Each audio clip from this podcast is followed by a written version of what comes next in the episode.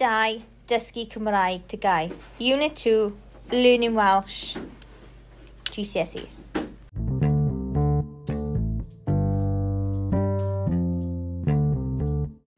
In this podcast, we're going to be discussing and reading all the speech bubbles and the statistics about learning Welsh, Dysgu Cymraeg. Please, can you have 10 minutes, dig minute, to read yourself, so darllen, and I want you to cyfiaethu, translate as much as you can. Okay, so you have dig minute, 10 minutes to look over, translate all the speech bubbles, label as many pictures as you can, and see if you can understand the information in the graph.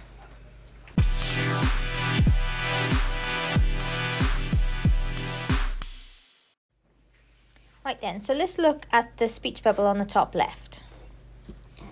Mae dau o blant bach gyda fi sy'n mynd i ysgol Gymraeg, felly dwi eisiau dysgu Cymraeg i helpu nhw gyda gwaith cartref. So the first sentence, mae dau o blant bach gyda fi. I have two young children. Sy'n mynd i ysgol Gymraeg that go to a Welsh school. Felly, dwi eisiau dysgu Cymraeg i helpu nhw gyda gwaith cartref. I want to learn Welsh. To help them with their homework.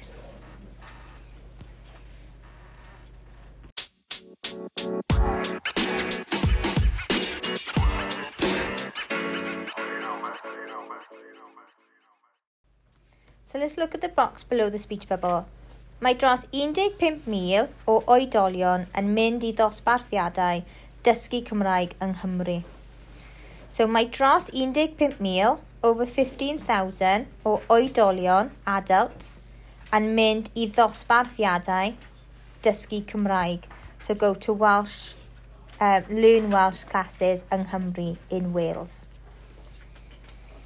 So the speech bubble below. Dwi'n dysgu Cymraeg i helpu fy ngwaith. Mae llawer o cwsmeriaid yn siarad Cymraeg, felly mae'n bwysig siarad â nhw yn Gymraeg. So dwi'n dysgu Cymraeg. I'm learning Welsh i helpu fy ngwaith to help my work. Mae llawer o cwsmeriaid yn siarad Cymraeg. There's lots of customers that speak Welsh. Felly mae'n bwysig siarad â nhw yn Gymraeg. So it's important to speak with them in Welsh. So if we look at the speech bubble in the top middle, Dwi'n byw yng Nghymru, felly dwi eisiau siarad Cymraeg. Mae'n bwysig siarad iaith y wlad. So dwi'n byw yng Nghymru, so I live in Wales. Felly, so, dwi eisiau siarad Cymraeg, so I want to speak Welsh. Mae'n bwysig siarad iaith y wlad, so it's important to speak the language of the country. So the box on the top right. Mae mwy a mwy o bobl yn dysgu Cymraeg ar-lein. Mae Say Something in Welsh a Duolingo am boblogaidd iawn dros y byd. So, mo, mo, mae mwy o mwy o bobl yn dysgu Cymraeg ar-lein a Learning Welsh online. My Say Something in Welsh, so that's an app, a Duolingo, another app where you can learn Welsh, and bob blogaidd iawn dros y byd are popular across the world. I think Welsh was the fastest growing language on Duolingo and they do a couple of they do loads of different languages. They were the fastest growing on Duolingo during lockdown.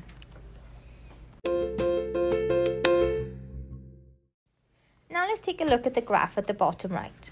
So you've got oed, oedolion and dysgu Cymraeg. So adult ages learning Welsh. So as you can see on the top left, you've got canran, which is percentage, and they go up in fives. At the bottom then, we've got dan, dauddeg, so under 20. And then we've got dauddeg i dauddeg now, so 20 to 29, 30 to 39, etc. And if you go right to the top, oithdeg ac uwch. So you can see the percentage of people um, that at those ages learning Welsh.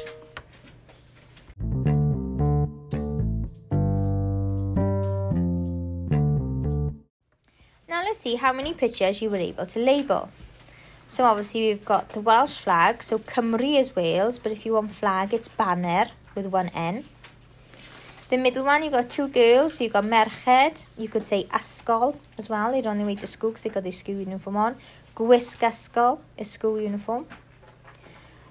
So you've got two people reading, so we've got either darllen for reading or gweithio, they could be working.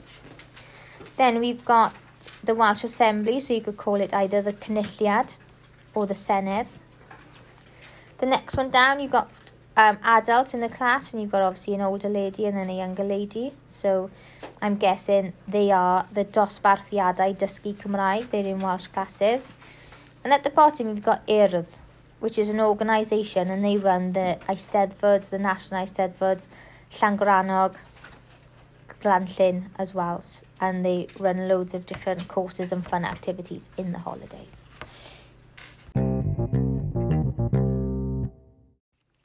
Right, now can you turn your attention to the Dysgu Cymraeg vocabulary sheet? So Miss Heath has been working really hard and she's created a lovely sheet to help you. So let's go through the vocabulary on the sheet. So on the side where you've got the Welsh flag, so Banner Cymru. On the left you've got Gairfa vocabulary. So you've got Cymru, Iaith, Gwaith Cartref, etc. that you can use. Then on the top right, you've got question I questions. Don't forget you can include questions in your work. It was really good when you're doing your speaking assessment, so you can pop a question in there. And then on the bottom right, you've got answer ansoddeiriau adjectives.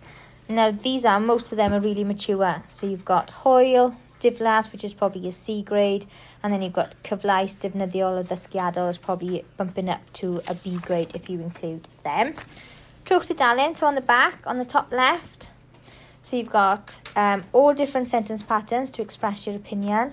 Some you know, some you don't. Um, push yourselves and include the ones that you don't know.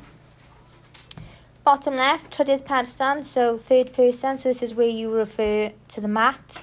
So an all a mat according to the mat.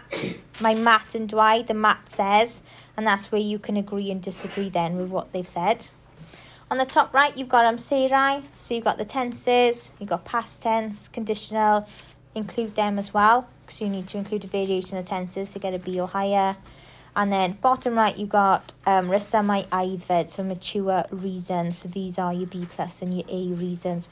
Try and get them in as well. So what we want you to do, so imagine like you did with a clip, where you went through all the points and you said according to and all, or the mat says and then agree and disagree. Okay, some things you can't disagree or uh, agree with, so you can just say what they've said and maybe talk about your experience. Maybe you have cousins that have gone to a Welsh school, maybe your parents go to Welsh classes, your opinion on learning Welsh.